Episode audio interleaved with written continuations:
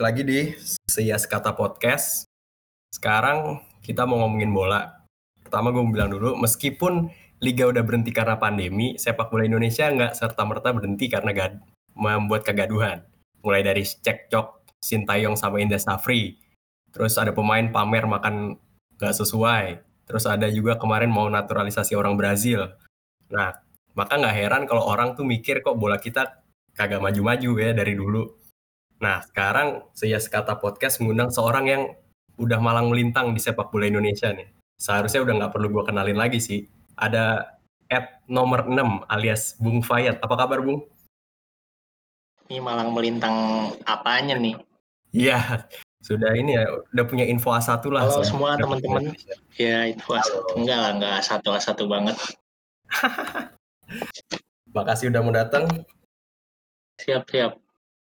Nah, di episode sekarang bareng Fayat kita bakal ngupas masalah-masalah sepak bola Indonesia sekaligus ngayal dikit apa apa bisa masalah ini diselesaikan gitu.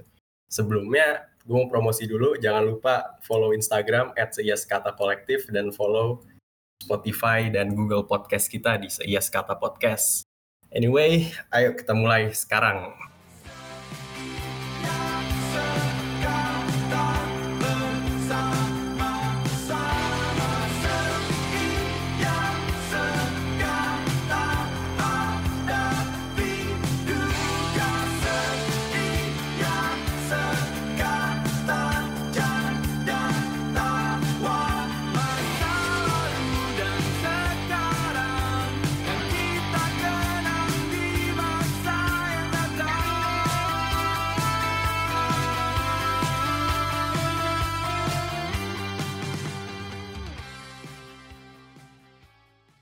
Pertama gue mau nanya dulu, opening question ya. Kita nih udah nggak juara, nggak pernah juara lah semenjak SEA Games 91, nggak ngitung Piala Kemerdekaan 2008 ya. Kalau mau dibandingin sama negara-negara di ASEAN, di AFF, sebenarnya itu kita ada di mana sih? Apa termasuk jago? Apa udah ada gap yang jauh antara kita sama Malaysia atau Singapura gitu, atau Thailand, Vietnam? Menurut lo gimana ya? Iya, pertama kalau dilihat uh, secara apa ya kalau dibandingin negara ASEAN mungkin paling gampang kita kan lihat di ranking FIFA ya. Hmm. Kalau lihat ranking FIFA Indonesia bisa dibilang sekarang udah levelnya bukan lagi sama uh, Vietnam atau Thailand gitu tapi udah lebih dekat ke modelan Myanmar, Laos, Kamboja gitu-gitu. Artinya uh, kalau di masa lalu kita bisa dibilang salah satu jagoannya di ASEAN lah. Kalau sekarang ya mungkin agak agak agak mundur gitu uh, predikat tersebut tapi kita harus lihat konteks juga kalau kita cuma lihat dari ranking FIFA kan kita sempat ke band ya uh, 2015 yeah.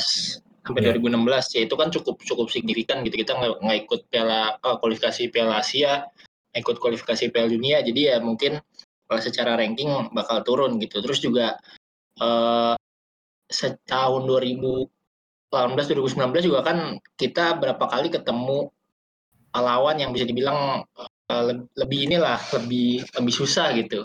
Yeah. Ya meskipun nggak nggak susah-susah amat, tapi kalau dilihat dibanding sama Malaysia lah, sama, sama uh, Vietnam sama Thailand, dia tuh bisa dapat ini ya, dapat dapat kesempatan buat tampil lebih banyak di uh, ajang bergengsi kayak misalnya Thailand Vietnam kan masuk Piala Asia tuh. Iya yeah, ya. Yeah. Itu kan ngangkat tuh buat ranking FIFA. Terus juga uh, Malaysia uh, banyak juga international friendly-nya. Jadi uh, ya mungkin itu ada ada faktor salah kita sendiri juga tapi harus dilihat dari konteks yang lebih luas kalau dilihat ranking FIFA. Kedua kalau dilihat dari dari uh, kompetisi lokal sebetulnya kompetisi kita masih yang cukup bagus lah kalau di ASEAN meskipun meskipun masih tertinggal dari Thailand atau Vietnam atau bahkan Malaysia tapi masih jadi salah satu apa ya salah satu kompetisi yang jadi jadiin inilah patokan gitu sama sama hmm. uh, negara-negara lain gitu gitu sih kalau dibandingin sama negara ASEAN dulu ya karena kan yeah. kalau dibandingin sama yang lebih lebih luas lagi juga berarti mak makin ketinggalan gitu. Nah, tadi lu bilang kompetisi kita udah jadi semacam patokan lah kalau di ASEAN. Gue tuh percaya kalau kompetisi yang bagus akan akan berujung di timnas yang bagus juga. Menurut lo karena timnas sekarang kan sebenarnya nggak bagus-bagus amat. Ini kompetisinya tuh sebenarnya udah ideal untuk me, membuat timnas yang bagus apa di apa problemnya itu ada di taktikal timnasnya sendiri menurut lo? Kalau uh, kompetisi ini bisa jadi satu podcast sendiri nih. Wah, singkatnya itu soalnya soalnya agak agak agak apa ya agak agak agak ribet juga gitu. Jadi kompetisi kita dibilang bagus juga enggak, tapi dibilang jelek juga sebetulnya masih ada hal-hal bagus yang bisa di ini dijadiin uh, kelebihan kita gitu. Contohnya kayak misalnya kalau gue sih setuju dengan Bung Raffi tadi ya kalau kompetisi yang bagus bisa bikin timnas kita jadi lebih lebih kuat gitu kan. Karena kan hmm. ya mayoritas pemain kita dibentuk di di kompetisi kita gitu kan. Pemain muda juga pemain-pemain uh, yang jadi tulang punggung di timnas itu kan rata-rata dari dari kompetisi Liga 1 kita gitu kan. Yeah, uh, yeah. Kalau problem Liga 1 dengan timnas sih problem klasiknya ya pertama soal jadwal. Hmm. Kan sering sering inilah jadi masalah klasik kalau jadwal liga bertabrakan sama uh, kalender FIFA gitu. Jadi uh, timnas main tanggal 10, tanggal 9-nya masih ada pertandingan Persija lawan Barito Putra gitu. Yeah. Uh, uh, itu sih yang jadi masalah. Kalau menurut gue sebetulnya kompetisi di Indonesia ini kompetisi liganya itu harus ada revolusi yang bener-bener uh, komprehensif gitu kalau lu mau bikin reform yang lebih bagus gitu mengarah kayak misalnya ke uh, Thailand atau Malaysia. Kalau dilihat hmm. dari contoh di uh, Asia Tenggara kompetisi liga kita itu yang kompet uh, apa ya pesertanya itu paling banyak 18 kalau salah sama sama hmm. Thailand gitu. Sebenarnya Liga Malaysia itu cuma 12 Vietnam cuma 10 apa Singapura malah 9 gitu. Negara-negara lain malah lebih sedikit. Ini uh, Liga satunya ya bukan yeah. bukan keseluruhan. Kalau mau menyeluruh menurut gue ya ini aja bikin patokan dari verifikasi AFC Pro tim yang lolos tim-tim yang uh, mengantongi lisensi klub pro menurut AFC itu yang boleh ikut Liga 1 gitu. Hmm. Jadi misalkan uh, yang lolos AFC Pro cuma 8, ya udah yang 8 itu ikut Liga 1 gitu. Emang makanya kenapa itu butuh uh, revolusi ya, yang gue bilang tadi ya, revolusi yang secara hmm. menyeluruh ya karena karena begitu karena uh, kompetisi yang pesertanya terlalu banyak dengan space waktu yang sedikit.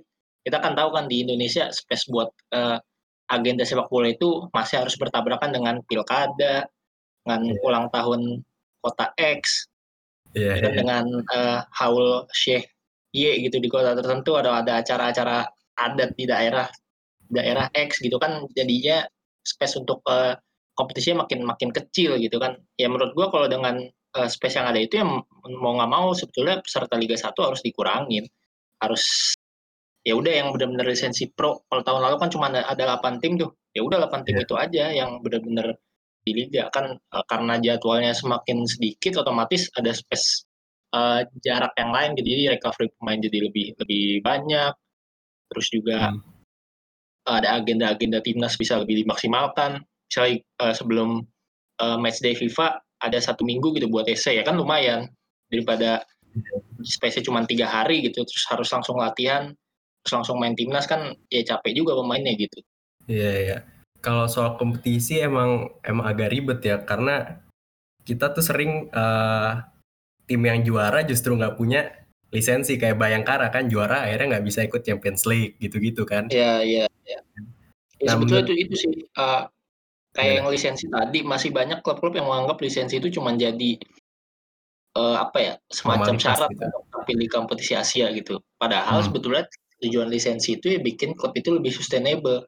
Karena kan di hmm. lisensi itu kan syaratannya ada banyak kan. Kayak misal lu ada syarat sporting atau syarat teknis kayak lu harus punya pelatih lisensi AFC A, A, pelatih akademi lu harus lisensi ini, lisensi ini. Itu kan uh, meningkatkan kualitas kepelatihan di tim lu tuh pertama harus uh, ada lisensi legal ya klub lu harus harus jelas nih dasar hukumnya apa nggak bisa tiba-tiba ikut gitu harus jelas misalnya PT pakai PT apa misalnya CV pakai CV apa gitu kan hmm, benar, sudah ada syarat pembinaan usaha muda. Banyak lah itu kan intinya uh, persyaratan itu emang uh, bikin klub lu jadi lebih sustainable gitu. Dan persyaratan ini diupdate setiap tahun gitu. Jadi tahun ini lu bisa dapat lisensi pro tapi tahun depan akademi lu lu bubarin ya lu nggak dapet. Yeah, yeah. makanya harus uh, harus uh, lisensi ini jangan dilihat sebagai syarat tampil di kompetisi Asia doang gitu. Kayak banyak banyak klub kan yang menganggap gitu. Kalau misalnya anggapannya gitu nih misalkan gue jadi apa ya uh, pemilik klub kecil lah katakanlah yang nggak punya sumber daya buat uh, tampil di kompetisi Asia gitu kan kalau mau main di Asia minimal harus dua besar ya? Yeah kan kalau klub kecil kan nggak mungkin lah lolos dari degradasi aja kan syukur gitu. Nah kalau yeah. misalkan kayak gitu ya buat apa gue lisensi AFC Pro? Biarin aja kayak gini gitu kan. Nah itu yang uh, mindsetnya harus harus diubah. Karena hmm. lisensi AFC Pro itu sebetulnya syarat uh, syarat itu bukan bukan syarat untuk tampil di Asia doang tapi bikin klub lu jadi punya uh, guideline lah buat jadi klub yang lebih sustain secara profesional. Hmm. Ini klub gini sebenarnya banyak 18 klub liga utama banyak yang nggak punya lisensi sebenarnya enforcement dari federasinya tuh udah udah bener belum sih kok bisa bisa bisanya klub yang bahkan punya basis masa gede punya sejarah panjang itu kok bisa bisanya mereka nggak punya lisensi enforcing dari federasinya tuh gimana sih sebenarnya? Kalau seingat gue sebetulnya syarat tampil di Liga 1 itu ada inilah ada. Jadi PSSI kan bikin inilah verifikasi kan tiap musim tuh biasanya klub yang iya. tampil Liga 1. Iya. Yeah. Nah itu uh, verifikasi itu nggak mengacu pada standar FC Pro. Hmm. Memang ada berapa yang mengacu pada situ, tapi standarnya tuh diturunin gitu. Akhirnya klub Liga 1 yang nggak semuanya punya lisensi AFC Pro gitu. Ada yang ada yang uh, misalnya buat kompetisi usia muda nih. Yeah. Itu standarnya kalau setahu gue masih masih ngikutin AFC tuh, karena kan klub Liga 1 wajib punya Elite Pro Academy. Yep.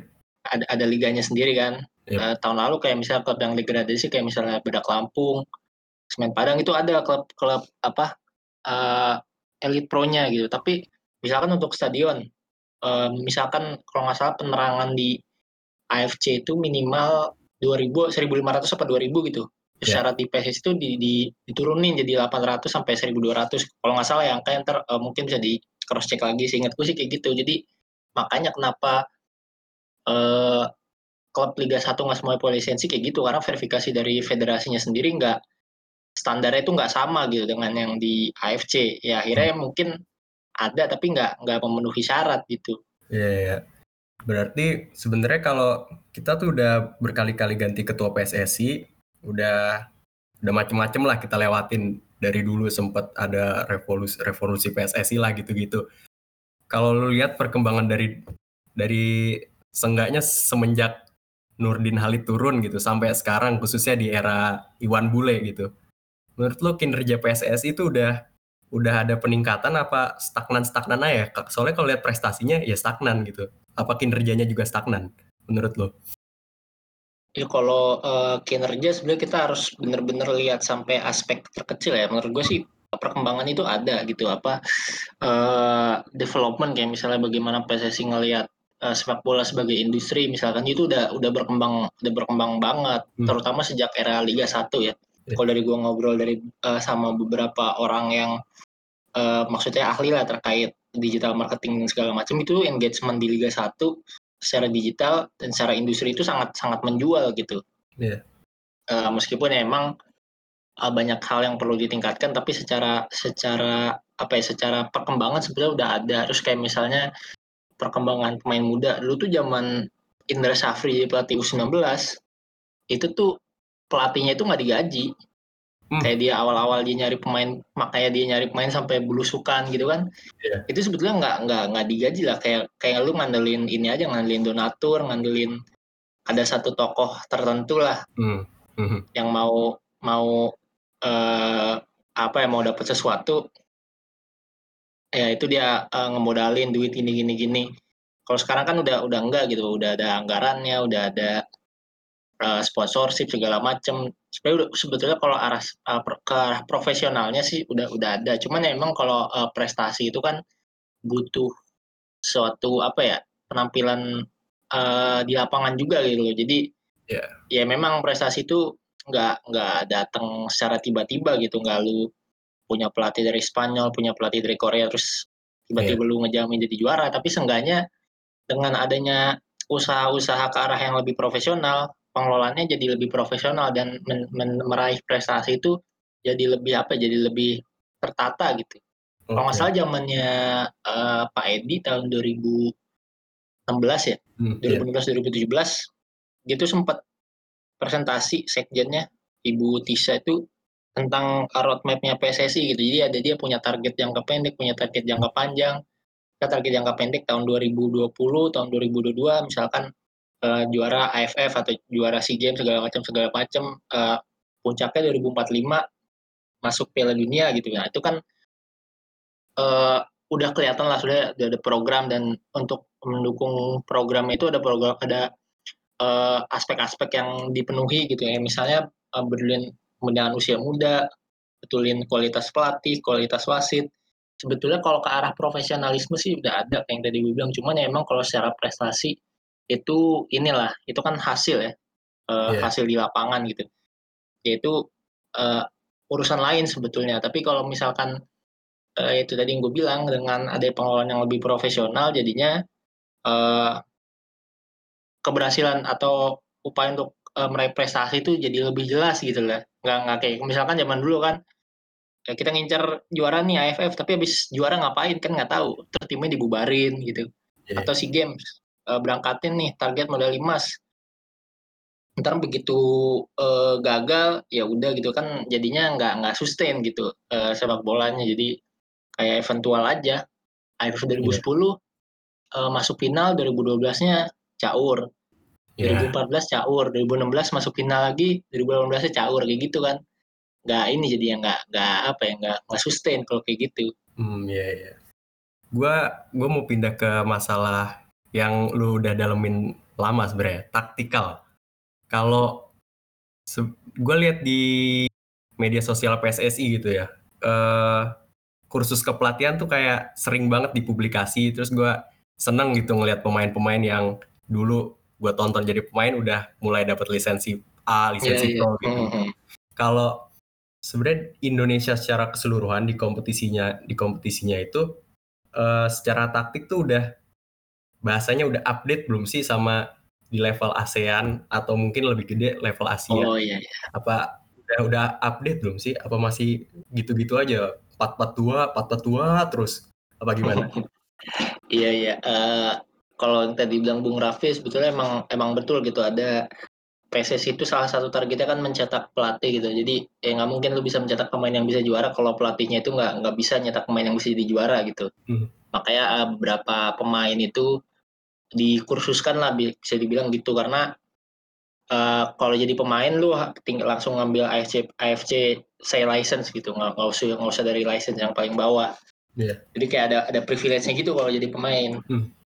Nah itu kan uh, salah satu upaya kalau bisa dibilang sekarang kayak misalnya timnas kelompok umur itu rata-rata asistennya mantan pemain kan kayak yeah. di 19 nih ada Novarianto gitu di yeah. U16 ada Bima Sakti ada Indrianto Nugroho ada Marcus Horizon gitu kan hmm. itu kalau soal pelatih uh, timnas eh pelatih apa yang tadi mantan pemain gitu hmm. terus kalau secara taktikal sebetulnya uh, eh, gue berapa kali gitu nonton pertandingan di Liga Malaysia di uh, Liga Thailand juga berapa kali terus nonton tim-tim ASEAN di Liga Champion Asia itu tuh emang gue lihat sebetulnya kalau secara taktikal mereka tuh jadi lebih apa ya lebih uh, bisa dibilang lebih adaptif dan lebih variatif gitu hmm. tapi bukan berarti taktikal di Indonesia itu jelek dan stagnan di situ-situ aja gitu hmm, karena kan kalau secara pelatih kita pernah dilatih Luis Milla ya Luis Milla yeah. itu kan uh, mantan pemain timnas Spanyol juga yang dia udah pernah dilatih oleh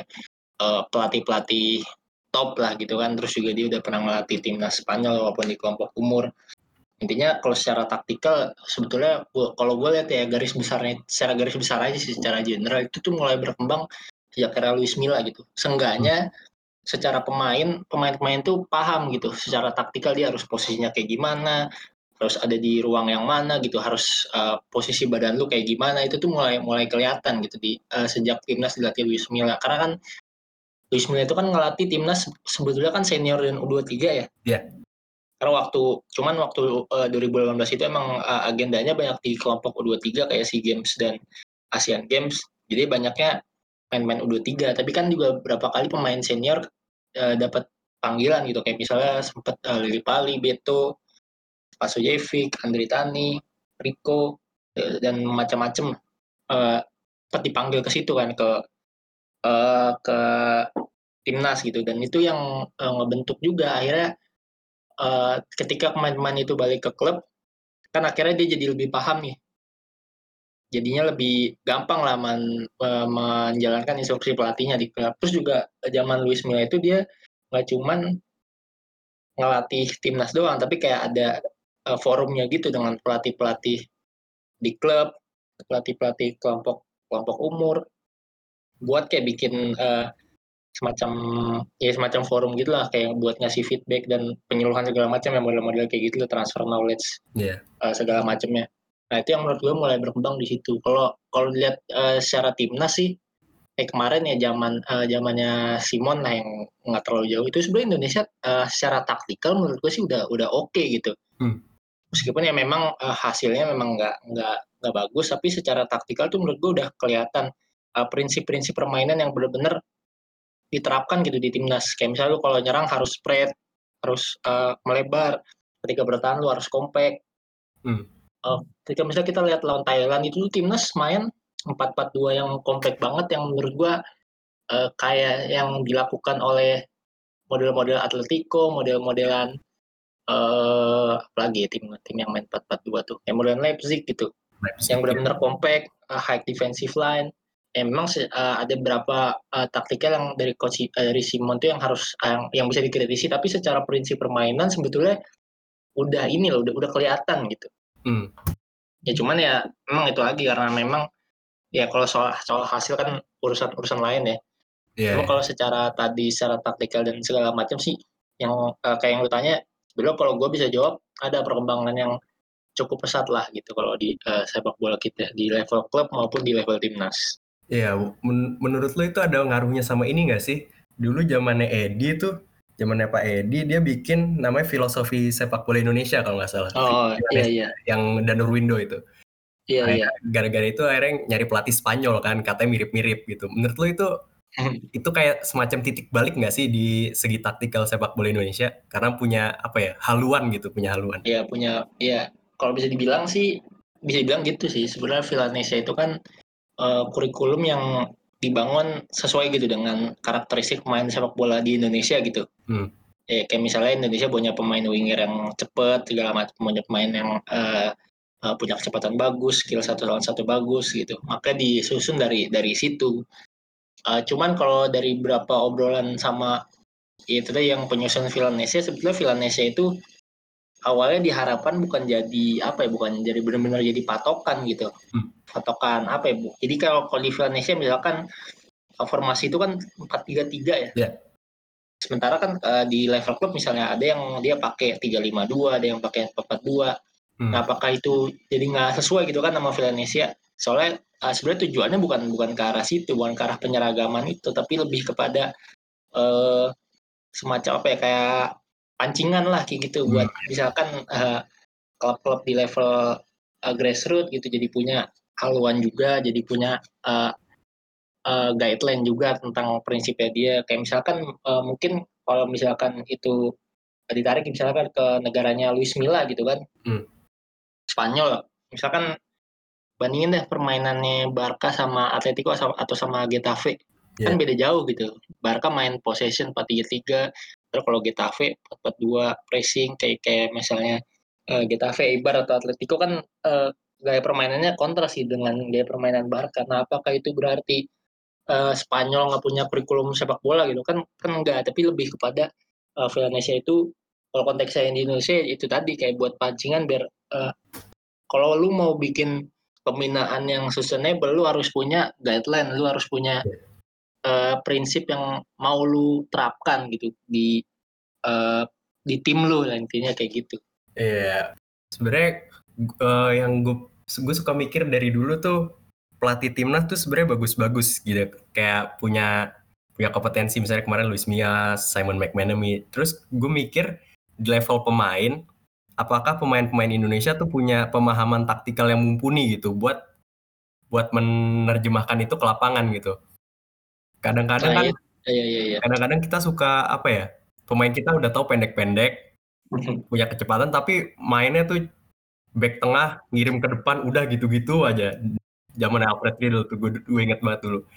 Menurut lo pemahaman taktikal pemain Indonesia tuh udah mumpuni belum sih untuk bersaing seenggaknya di level AFF? Oh, kalau pemahaman taktikal ya menurut gua kalau di uh, dibandingin di konteks AFF menurut gua pemain Thailand atau Malaysia itu punya uh, pemahaman taktikal yang lebih bagus ya. Ini juga uh, jadi statement beberapa pelatih gitu. Hmm. Sebetulnya pemain Indonesia secara individu itu bagus. Maksudnya ya kualitasnya sama lah buat kayak teknik-teknik dasarnya buat passing, buat. Uh, shooting, dribbling segala macam. Cuma kan ketika di permainan lu main 11 lawan 11 secara kolektif, ya lu harus bisa gunain kemampuan individual lu itu secara kolektif, secara tim gitu.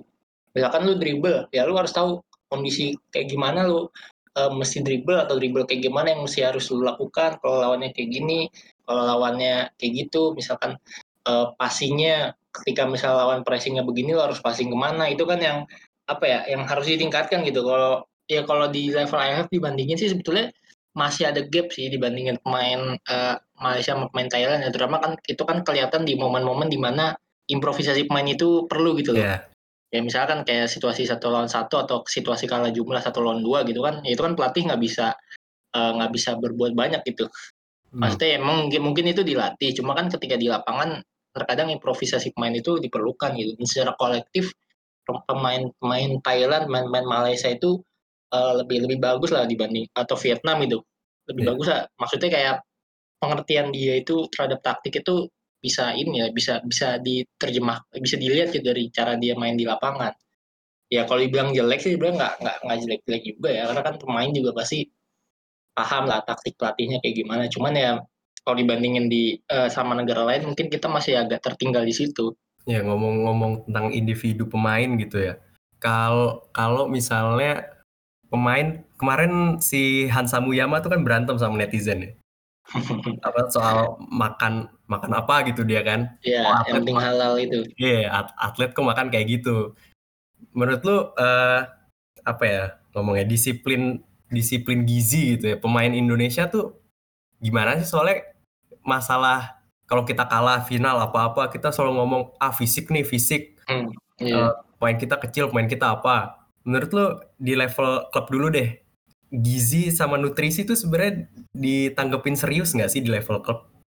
Sebetulnya kalau di klub-klub Liga 1 sih menurut gue udah ini ya udah udah harusnya kayak gitu ya. Karena kan klub Liga 1 itu wajib dia punya dokter kan, jadi yeah. dokter juga biasanya ngurusin uh, nutrisi itu uh, kalau di klub uh, Liga 1 jadi misalkan di mes uh, menunya pemain itu udah diatur gitu salah satunya sama dia gitu. Kalau terus kalau misalkan uh, ke hotel biasanya kan pesan menu yang bolehnya kayak gini kayak gini cuman kalau dibilang ke individual pemain sih emang ini cukup bervariasi ya kita nggak bisa pukul rata semua pemain nggak iya. peduli yeah. atau semua pemain peduli tapi yeah. yang gue bisa tarik garis besar sih sebetulnya pemain itu harus paham uh, konsekuensi dari dia sebagai pemain sepak bola profesional gitu kan arti dari profesional itu kan salah satunya tanggung jawab terhadap profesi lu gitu Yeah. Ya contohnya kayak misalkan uh, ini aja deh penyanyi gitu kan. Penyanyi kan profesi dia menuntut dia punya suara yang bagus tuh. Ya, hmm. ya akhirnya dia kan nggak bisa makan atau minum macam-macam yang bisa memperburuk kualitas suara dia itu. Sama sebenarnya pemain bola juga harusnya kayak gitu. Kan salah satu tuntutan dia sebagai uh, pemain kan harus punya fisik yang oke okay lah buat main 90 menit gitu. Hmm. Nah, makanya dia uh, tanggung jawab dia harus menjaga kualitas fisiknya biar kuat main 90 menit itu. Salah satu dengan menjaga pola makan. Sebenarnya berapa pemain sih kalau menurut gue sih udah punya kesadaran yang tinggi ya. Cuman emang uh, kalau secara individual gitu nggak bisa dilihat apa yang bisa diambil kesimpulan. Lebih hmm. harus ngelihat secara uh, garis besar sih kan ya kultur orang Indonesia juga gitu kan. Ya misalkan uh, makanan di Indonesia banyak yang bersantan, berminyak yang itulah yang kayak gitu-gitu. Cuman kalau misalkan apa ya ibaratnya kalau kayak pemain-pemain gitu sebetulnya ada beberapa pemain yang kayak tadi gue bilang punya kesadaran lebih tinggi. Utamanya sih bisa pemain asing atau pemain naturalisasi ya. Karena kan dia berasal dari kultur sepak bola yang berbeda gitu. Dan dengan budaya yang berbeda di dari di Indonesia ya menurut gue dia bawa bawa masih bawa kulturnya dia gitu. Tentang jaga profesi segala cuma kan uh, kalau di Indonesia ya masih masih banyak lah yang kurang menjaga uh, profesionalisme dia gitu di di ini ya di di soal makanan ini. Nah, masih soal pemain, kita tuh udah nggak kita nggak pernah juara semenjak SEA Games 91. Dan udah banyak banget pelatih yang kita coba di segala level level umur. Dan kita banyak banget masuk final kan. Dan banyak hmm. dan kalah semua gitu. Dan uh, biasanya yang di yang disalah-salahin tuh pemain ya. Ada ada yang bilang kita nggak punya mental juara gitu. Di urat kita tuh bukan urat juara gitu. Kita bisa nggak sih sebenarnya nyalah nyalahin pemain gitu?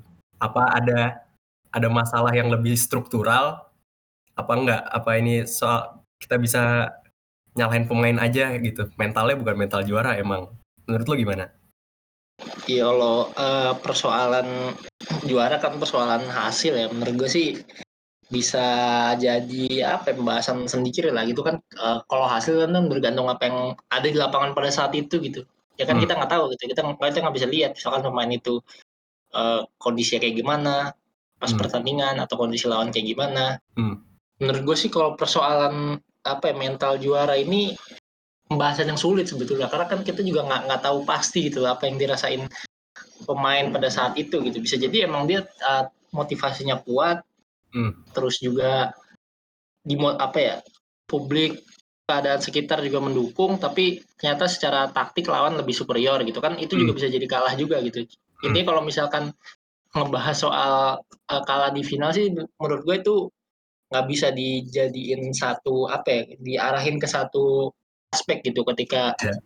ngebahas soal ini banyak lah faktornya kalau kalau kalah di final cuma kan kita udah ini nih udah udah Kalivia kan tuh berulang kali ya mungkin bisa di ini sih bisa bisa di bisa dicari gitu evaluasinya. Misalkan uh, misalnya ya bisa harus ada penelitian lebih mendalam misalnya intensitas pemain ketika final menurun gitu. Misalkan yeah. ya dilihat secara inilah dilihat secara kuantitatif dan kualitatifnya. Misalkan pressing timnas ketika awal-awal turnamen kencang tapi begitu udah masuk final agak kendor gitu. Atau ya mungkin bisa jadi lawannya yang emang lebih bagus aja atau, atau emang gimana intinya yeah. banyak banyak faktor lah gue nggak bisa nggak bisa ini juga nggak bisa uh, menyimpulkan dengan satu atau dua aspek lah kalau untuk uh, soal-soal yang hasil kayak gini.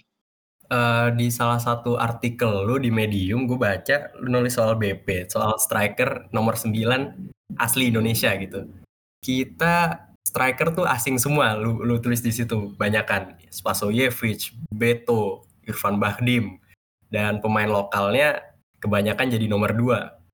Dan ya, ya, ya. dan akhirnya kita ujung-ujungnya naturalisasi gitu. Apa kenapa kita naturalisasi? Apa karena pemain kita nggak kompeten? Apa apa cuma nyari instan aja gitu federasi ah naturalisasi ini naturalisasi itu. Posisi lu di naturalisasi itu gimana sih?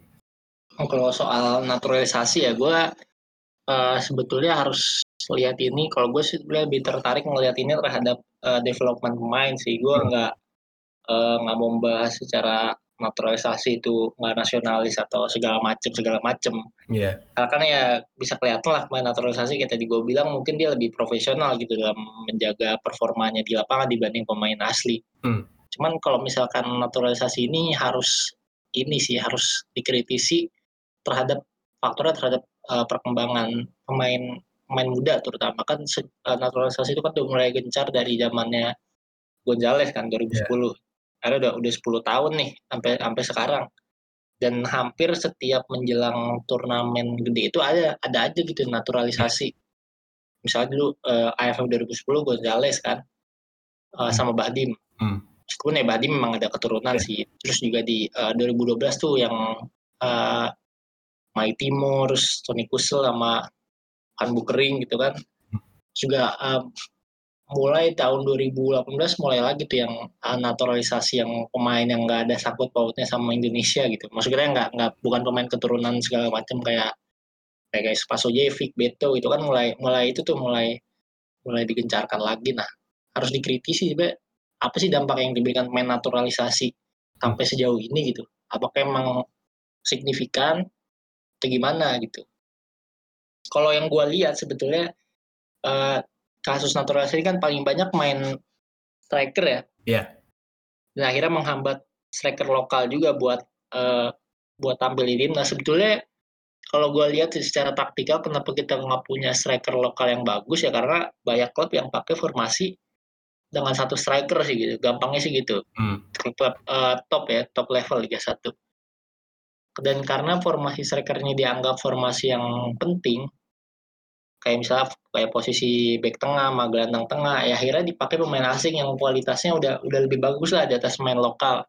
Nah, akhirnya pemain lokal mau nggak mau tersisi gitu posisi striker. Bahkan sekelas Boas aja ketika Persipura pakai striker asing dia harus main jadi sayap jadi winger gitu. Yeah.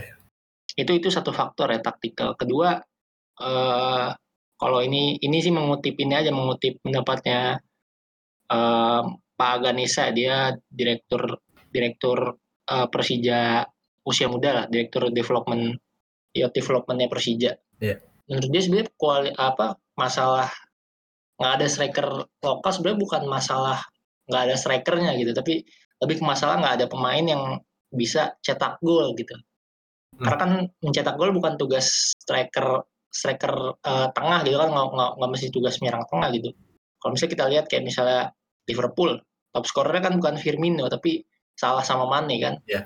juga uh, di Barca ada Messi di Juve ada Ronaldo yang dia mainnya bukan di posisi nomor 9 gitu mainnya agak agak melebar atau agak lebih ke belakang hmm. artinya kan uh, secara kualitas kalau lu mau bikin gol nggak mesti dari striker gitu sebenarnya kalau dari yang kritiknya Ganesha sih itu nggak ada pemain yang bisa uh, mencetak gol lah jadi jadi jadi apa jadi goal getter lah hmm. di hmm. suatu tim gitu tapi balik lagi ke soal naturalisasi menurut gue menurut gue itu tadi ya lu harus uh, kritiknya ke arah development pemain Hmm. Apa, apakah ada pemain yang terhambat dari naturalisasi? Terus apakah uh, naturalisasi ini benar-benar meningkatkan level atau kualitas dari uh, tim nasional gitu sih? Menarik nih soal striker sebenarnya. Soalnya uh, Beto tuh umurnya kan tiga udah hampir 40 lah ya. Udah tiga tiga sembilan. Gonzales waktu dinaturalisasi juga udah nggak muda lagi gitu. Hmm. Dari zaman Gonzales ke zamannya Beto jadi pemain timnas tuh kan gapnya 10 tahun ya 10 tahun tuh lama iya, banget. Iya. Harusnya buat udah ada banyak striker lokal lokal yang lahir di Indonesia gitu yang udah bahasanya udah jadi ikon timnas lah semenjak BP udah jadi tua, Budi Sudarsono udah tua. Sebenarnya kan ada nama-nama kayak Samsul Arif, zaman sekarang hmm. udah mungkin yang lebih aktual Dedik Setiawan, hmm. Lerby gitu-gitu kan sebenarnya. Iya iya iya. Kenapa sih pemain-pemain ini nggak nggak jadi apa ya gacoannya di timnas gitu langganan timnas kayak akhirnya ujung-ujungnya sampai sekarang Irfan Bahdim Irfan Bahdim lagi Beto Beto lagi akhirnya Lili Pali kan yang jadi gacuannya timnas sekarang. Menurut lo kenapa sih ini striker striker lokal kita nih kenapa? Ya ya itu tadi sih menurut gue emang uh, mungkin karena fokusnya fokusnya banyak klub dan banyak tim di Indonesia itu bukan ke development tapi lebih kepada result oriented. Jadi akhirnya mau nggak mau cari yang benar-benar bisa deliver result dengan instan gitu ya. Ya contohnya pakai pemain asing gitu kan atau ya kalau misalnya pemain asingnya udah agak tua dinaturalisasi kan syarat naturalisasi harus uh, tinggal lima tahun kan di iya. Indonesia yeah. gitu jadi ya akhirnya mau nggak mau pemain itu udah lebih tua lima tahun gitu buat jadi dinaturalisasi tapi menurut gue menarik sih sebetulnya kenapa yang tadi lo bilang 10 tahun sejak Gonzales tuh harusnya ada ada ini ada striker lokal yang seikonik BP atau Budi Darsono gitu ya itu itu tadi sih yang balik apa menurut gue sih yang itu juga yang bisa jadi kritik ke naturalisasi. Bener nggak naturalisasi itu seperti seperti apa yang dijual? Itu uh, kelompok yang pro gitu buat meningkatkan kualitas buat transfer knowledge segala macem. Tahu naturalisasi ada terus tapi nggak bisa Eh, jadi satu apa jadi satu faktor yang mendorong striker lokal lebih lebih bersaing gitu. Itu sih yang uh, menurut gua harus harus dikritis dikritis juga. Mungkin ya gua nggak bisa jawab juga. Hmm. Mungkin nanti Bung Raffi kalau jadi ketum PSSI bisa bikin program yang revolusioner gitu luar biasa memang nah uh, yang menarik juga dari timnas adalah yang sering jadi bahan omongan ya waktu zaman mereka junior U19 gitu, U23, oh U23 enggak, U19. Mereka juara gitu, U16 juara. Terus pas masuk senior kok melempem. Ini kan sebenarnya sering ditanyain lah di warung kopi-warung kopi gitu. U19 juara, hmm. pas senior kok nggak juara-juara. Sebenarnya waktu di junior ke senior tuh ada apa sih kok bisa sampai sampai kayak gitu pemain U19 yang juara bisa melempem pas senior ada apa sebenarnya di di antara mereka gitu? Nah ini pertanyaan yang bagus nih. Hmm. Sebenarnya eh, pertanyaan yang kayak gitu juga harus dikritisi juga. Emang hmm. benar pemain uh, timnas kita waktu junior jago, hmm. gitu kan? Uh, ya oke okay lah. Sebetulnya kalau dilihat dari level permainan terutama ya. Ini uh, pendapatnya Mas Mas Rohmat. Dia tuh mantan analisnya tim timnas U19 di ya? Persebaya. Ya. Menurut gue eh menurut dia, menurut beliau uh, ketika di level usia muda itu kualitas pemain secara individual hampir hampir semuanya tuh sama gitu. Karena secara pengalaman juga ya sama lah. A hmm. ataupun kalau misalkan beda gapnya tuh nggak nggak terlalu jauh. Bahkan buat kayak negara Indonesia sama Brazil itu di Toulon itu 2016 kan kalahnya cuma satu kosong tuh. Yeah. bahkan hampir-hampir seri kan Indonesia. Kalau si Witan itu tendangannya nggak kena tiang gitu. Hmm. Witan atau siapa gitu. Nah itu kan gapnya sebetulnya nggak nggak terlalu beda jauh gitu tapi ketika di senior hmm. dari pemain umur 16 jadi senior itu kan ada tahapan-tahapan yang dia laluin gitu. Nah di negara-negara yang iklim sepak bolanya bagus, pemain itu ya dapat dapat lingkungan untuk develop dengan bagus gitu. Sementara kalau di lingkungan sepak bola yang gini-gini aja, akhirnya development pemain itu juga jadi gitu-gitu aja. Ya contoh misalkan Evan Dimas nih, 2013 hmm. dia ketemu Wang Hechan kan di kualifikasi Piala Asia. Yeah. Evan Dimas menang tuh 3-2 bahkan cetak hat trick. Ya mungkin ketika itu gapnya antara Evan dengan Huang Hechan tuh masih sedikit gitu. Tapi karena Huang Hechan itu di Korea, kemudian dia develop dapat lingkungan yang bagus, pindah ke Austria segala macem.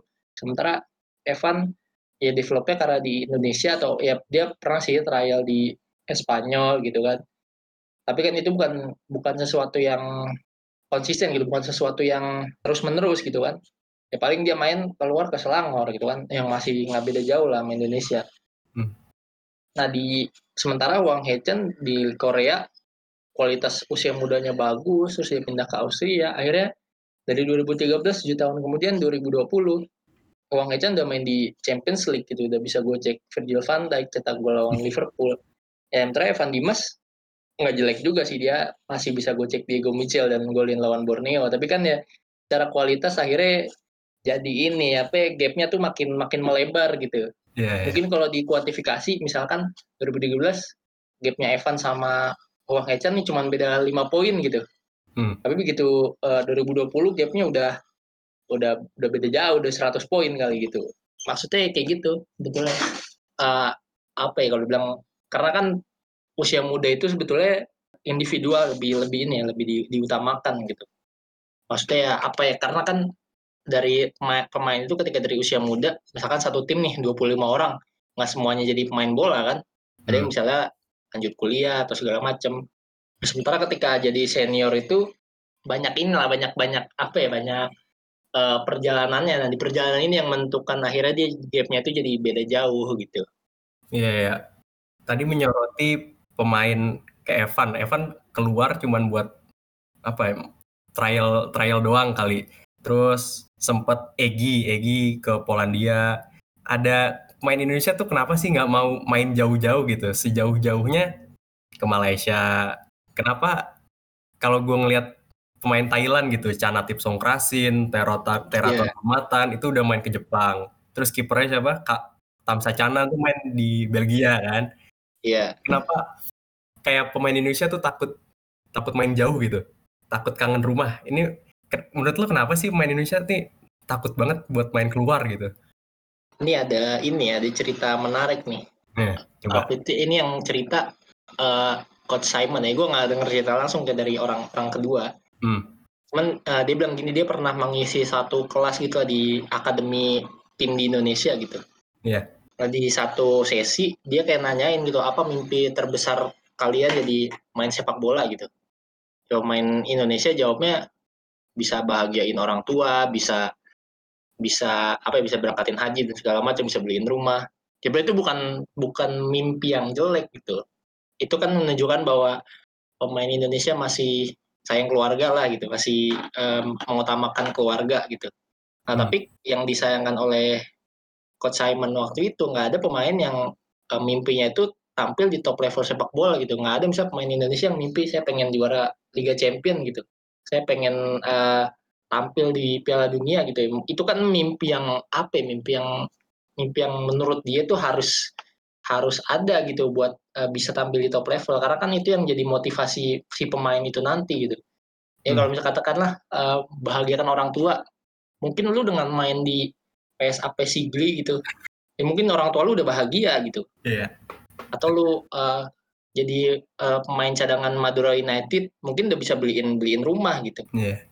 Ya tapi itu tadi yang di yang dikritisi Coach Simon nggak ada pemain yang uh, punya mimpi besar. Ya mungkin uh, itu satu faktor sih. Cuman uh, kalau dilihat secara individual ya memang banyak lah beberapa pemain yang insist dia main di luar negeri. Contohnya kayak misalnya uh, Yanto Basna. Hmm. Basna itu awal tahun sempat ditawar Persija sebetulnya, cuman dia nggak mau. Mungkin karena, dia emang dari awal tuh punya target main di Liga Jepang. Itu kan satu ini lah, salah satu pemain yang punya uh, motivasi yang kuat gitu kan. Ya yeah. dia main di Liga Thailand walaupun dia main di tim katakanlah tim yang bukan tim topnya gitu, bukan kayak misalnya bukan di tim yang kayak uh, Buriram gitu kan yang uh, langganan Liga Champions Asia tapi kan secara iklim sepak bola di sana lebih bagus sih dibanding di Indonesia gitu akhirnya hmm. dia buat development jadi lebih jadi lebih apa jadi lebih bagus kan kelihatan lo kemarin kalau nonton timnas pas kualifikasi Piala Dunia yeah. Yanto Basna itu main di hampir main di semua pertandingan kan kalau nggak salah cuma pertandingan pertama doang ya yang yang dia nggak main tuh ya benar benar karena akhirnya terus dilihat secara kualitas individual juga kan lebih bagus lebih menonjol dibanding pemain-pemain lain Iya. Yeah. gitu sih kalau secara apa ya kalau secara pemain salah satu yang dikritik oleh Coach Simon yang menurut gue juga patut direnungkan itu ya itu tadi motivasi si pemain buat tampil di top level oke kita udah hampir sejam nih ngobrol soal sepak bola Indonesia dan masalah-masalahnya kita udah ngobrol panjang dan gue ngeliat kayak masalah kita tuh berlapis-lapis gitu ya. Ada ya, struktural, betul. ada struktural, ada emang pemain yang nggak disiplin, ada masalah pelatih juga. Nah kayaknya gua kok susah untuk optimis tapi pengen gitu buat optimis. Setelah ngobrol-ngobrol tadi, apakah apa ada nggak sih kayak light at the end of the tunnel gitu? Ada nggak sih cahaya di di ujung terowongan ini? Dan apakah naif kalau gue bilang kita kita bakal seenggaknya lima tahun ke depan gitu seenggaknya sekali juara AFF gitu kita kita macan Asia atau apalah tapi AFF aja nggak pernah juara naif nggak gue gue bilang kayak gitu untuk berharap ya sebelum kalau buat berharap sih nggak nggak ada yang salah ya karena kan uh, kalau lu pengen meraih sesuatu kan awalnya dilihat dari lu pengen nggak dapet itu gitu Iya. Yeah. Kayak yang tadi coach Simon bilang buat motivasi pemain buat tampil di top level itu penting buat buat uh, gimana ntar dia meng, meng, membentuk karirnya dia. Hmm.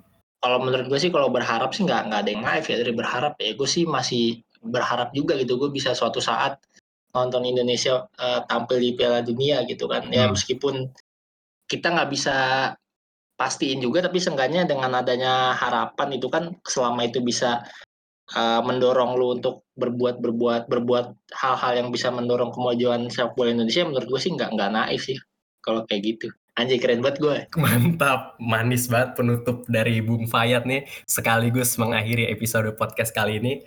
Makasih ya udah mau mampir-mampir ke Seias Kata.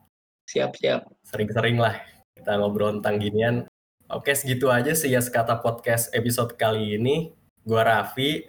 We'll see you on the next episode. Ciao.